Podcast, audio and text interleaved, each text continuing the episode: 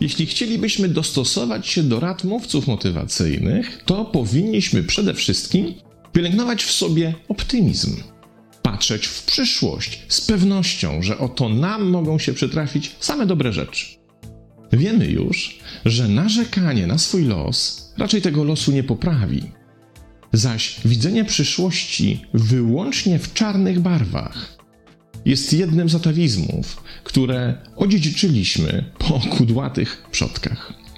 Problem jednak w tym, że o ile wieczne biadolenie to destrukcyjna skrajność, to hura optymizm wcale nie musi być dla nas tak zbawienny, jak mogłoby się wydawać.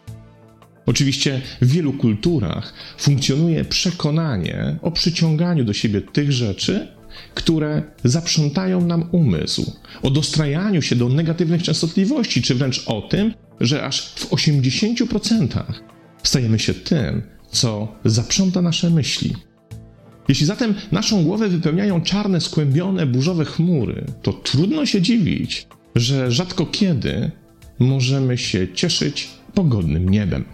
Można by zatem przyjąć zarówno założenie motywacyjnych czarodziejów, jak i ideę pochodzącą z tzw. Tak prawa przyciągania. Po prostu należy pozytywnie myśleć, by przyciągać do siebie pozytywne rzeczy. To z grubsza racja, ale niestety wyłącznie z grubsza. Samo myślenie o tym, że mi się uda, to niestety za mało, żeby się udało. Do sukcesu rozumianego w jakikolwiek sposób potrzebna jest jeszcze odpowiednia aktywność, która ten sukces zbuduje. Samo siedzenie na kanapie z myślami pochłoniętymi szczęśliwą wizją schudnięcia do wakacji jeszcze nie spowoduje, że schudniemy. I tutaj oczywiście pozytywne myślenie pomaga w pozytywnej aktywności. Jest w tym jednak mały haczyk. Otóż to pozytywne myślenie musi brać pod uwagę nasze realia, w przeciwnym razie zaczyna nam przynosić więcej szkody niż pożytku. Tak się właśnie dzieje, kiedy pozytywne, napompowane modą na motywację myślenie zamienia się w nierealistyczny optymizm. To generator takich systemów myślowych, w których przejawiamy skłonność do myślenia wybiórczego, widzimy wyłącznie szansę na sukces. Jednocześnie nie chcemy dostrzec tego, że po drodze może czekać na nas wiele niezbyt miłych niespodzianek. Takie myślenie jest w istocie oparte na tej samej zasadzie co antycypacja, wówczas kiedy w naszej głowie rosną wyobrażenia na temat przyszłości, mimo że jej prawdziwego przebiegu nie jesteśmy w stanie przewidzieć. Tutaj również mamy do czynienia z samo nakręcającym się wyobrażeniem, tyle że pozytywnych zdarzeń, które jest budowane w naszej głowie z pominięciem zarówno rozsądku, jak i jakichkolwiek statystyk. W 1980 roku Weinstein z Uniwersytetu Rutgersa przeprowadził badania wśród swoich studentów ich zadaniem było dokonanie oceny prawdopodobieństwa wielu różnych zdarzeń w ich życiu, pozytywnych, jak i negatywnych. Przy czym zdarzenia te, jak nieszczęśliwe wypadki, choroby, utrata pracy itd., tak dobrano w taki sposób, by były reprezentatywne dla ówczesnego amerykańskiego społeczeństwa w tym samym wieku co studenci. A więc badani znajdowali się dokładnie po środku statystycznej grupy narażonej na takie właśnie wydarzenia. Okazało się, że istnieje znacząca różnica w ocenie prawdopodobieństwa zdarzeń pozytywnych i negatywnych. Prawie dwa razy częściej studenci wskazywali na zdarzenia pozytywne, których się w swoim życiu spodziewają, niż na negatywne. A przecież statystyki są bezlitosne. Sam optymizm co do naszej własnej przyszłości nie powoduje, że będzie mniej wypadków, mniej chorób czy innych przykrych zdarzeń. Weinstein po swych badaniach wysnuł ważny wniosek. Otóż mamy tendencję do przeceniania ilości i rodzaju przewidywanych zdarzeń w naszym życiu z korzyścią dla tych pozytywnych. Zresztą to nie jedyne badania, które poświęcono nierealistycznemu optymizmowi. Badacze doszli do wniosku, że samo zjawisko jest tak silne i powszechne, że zaszła potrzeba wskazania podziału na dwa typy. Pierwszy więc to absolutny optymizm, drugi jest optymizmem porównawczym. Nierealistyczny absolutny optymizm każe nam myśleć, że uzyskany wynik osobisty będzie wyższy niż wskazują standardowe statystyki. A to oznacza, że łudzimy się nieuzasadnionym przekonaniem, że z jednej strony ominą nas możliwe nieszczęścia, a z drugiej strony wynik tego, za co się zabierzemy, będzie wyższy od przeciętnej. I w ten sposób doradca finansowy staje się nadmiernie optymistyczny w swoich ekonomicznych oczekiwaniach. Przekonuje nas do inwestycji, głęboko wierząc, że jego finansowa intuicja gwarantuje pewną i zyskowną lokatę. To też z tej przyczyny większość kończących uczelnię jest przekonanych, że znajdzie pracę z wysokimi zarobkami. Podczas gdy rzeczywistość przeczy takim możliwościom. I podobnie jak większość nowożeńców jest przekonanych, że nie dojdzie w ich małżeństwie do rozwodu, chociaż statystyki przeczą takiemu przekonaniu.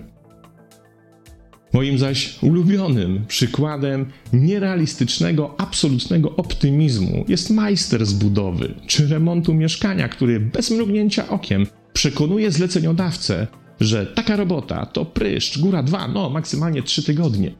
Po czym okazuje się, że remont trwał pół roku i pochłonął dwukrotnie większy budżet niż się panu majstrowi wydawało. Drugim typem tego psychologicznego mechanizmu jest nierealistyczny optymizm porównawczy, w którym z kolei błędnie szacujemy, że nasze wyniki będą wyższe od innych. Nam się nie mogą przytrafić te same problemy co innym, a ryzyko, które podejmujemy, jest mniejsze niż ma to miejsce w przypadku innych osób. Potwierdziły to m.in. badania Radcliffe'a i Kleina z 2002 roku dotyczące oceny ryzyka wystąpienia zawału serca. Kiedy przebadano sporą grupę osób znajdujących się dokładnie w tzw. Tak średniej ryzyka, zarówno pod względem wieku, płci i innych danych psycho i demograficznych, okazało się, że tylko 19% z tej grupy było w stanie prawidłowo oszacować prawdopodobieństwo wystąpienia zawału serca. 25% grupy było nierealistycznie pesymistycznych, to o nich powiedzielibyśmy, że uprawiają niepotrzebne czarnowictwo.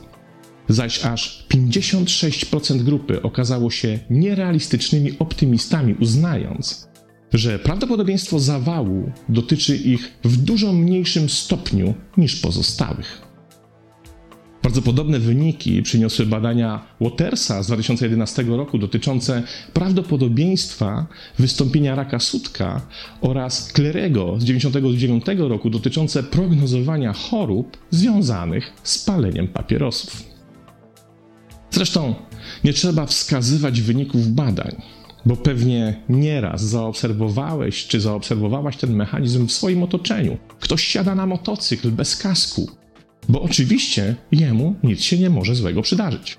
Ktoś inny traci banknot za banknotem w kasynie, bo on oczywiście na pewno wygra i na pewno się odkuje. A ktoś inny wciska gaz do dechy na szosie z ograniczeniem prędkości, bo przecież jego na pewno nie złapią. Przyczyn powyższego mechanizmu jest kilka. Po pierwsze, nie wierzymy, że stanie się nam to samo co innym, bo przecież sami znamy się lepiej niż znamy innych. A zatem gdzieś z tyłu głowy hodujemy przekonanie, że w jakiś sposób oni ściągnęli na siebie te wszystkie katastrofy, a my przecież na nie nie zasługujemy. Po drugie, uznajemy, że postawa optymistyczna jest lepsza od pesymistycznej, a zatem ci, którzy myślą pozytywnie, są szczęśliwsi i bardziej lubiani. To i owszem prawda, pod warunkiem jednak, że rozróżnimy to, czym jest pozytywne nastawienie, a czym nierealistyczny optymizm. A są to dwa zupełnie inne schematy myślowe. Pozytywne nastawienie czy myślenie nie polega na tym, by przewidywać same sukcesy, pozytywy inne fajne, czekające na nas rzeczy. W rzeczywistości pozytywne nastawienie jest związane z akceptacją tego, co nas spotyka. I to nie wyłącznie rzeczy pozytywnych, ale też negatywnych. Zatem moglibyśmy powiedzieć, że w pozytywnym myśleniu nie chodzi wyłącznie o to, by myśleć, że wszystko się ułoży po naszej myśli, ale o to, by z podniesionym czołem zaakceptować również to, że nam się nie układa. Przyjąć to na klatę i powiedzieć samemu sobie: Okej, okay, z tym też sobie poradzę.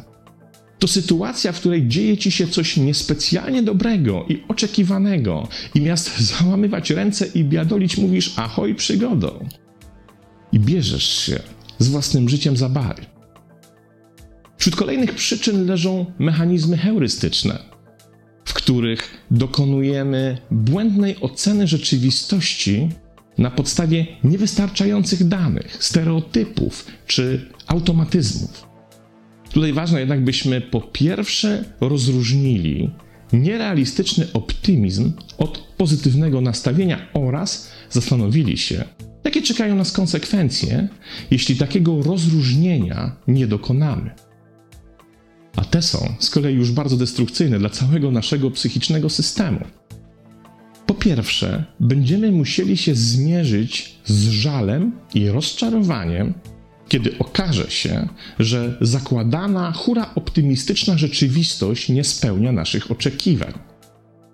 Oczywiście wówczas do głosu natychmiast dochodzi nasze ego, którego ulubioną metodą redukcji napięcia jest poszukiwanie winnych tej sytuacji wyłącznie na zewnątrz siebie.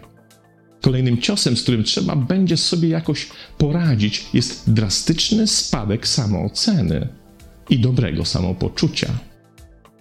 Zbadani studenci, którzy przed egzaminem właśnie w nierealistycznie optymistyczny sposób przewidywali swoje wysokie wyniki, po ogłoszeniu rzeczywistych wyników deklarowali właśnie spory spadek poziomu poczucia własnej wartości i oczywiście nastroju. Jak sobie zatem z tym okropnym, nierealistycznym optymizmem poradzić?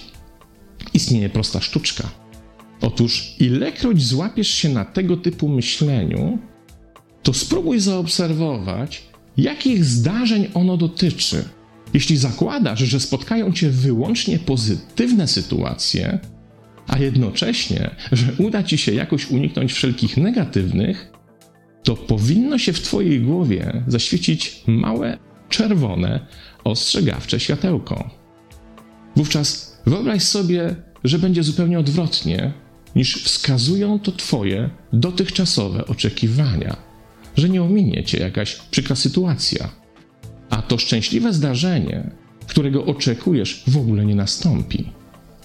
Teraz zwróć uwagę, co się właśnie stało z wektorem Twoich emocji. Kiedy myślałeś, czy myślałaś wyłącznie pozytywnie, to te myśli były przyjemne kiedy to wyobrażenie zmieniło się i zaczęło wpuszczać do systemu przewidywania rzeczy negatywnych, wektor emocji zmienił swój kierunek, a ego próbuje za wszelką cenę odwieść cię od tego typu myślenia. Jednak utrzymaj ten stan przez chwilę i zadaj samemu czy samej sobie pytanie: jak sobie wówczas poradzisz? Od odpowiedzi, której sobie teraz udzielisz, wiele zależy. Na przykład to, czy potrafisz kontrolować nierealistyczny optymizm i czy naprawdę jesteś gotowa czy gotowy na prawdziwe, pozytywne myślenie. Pozdrawiam.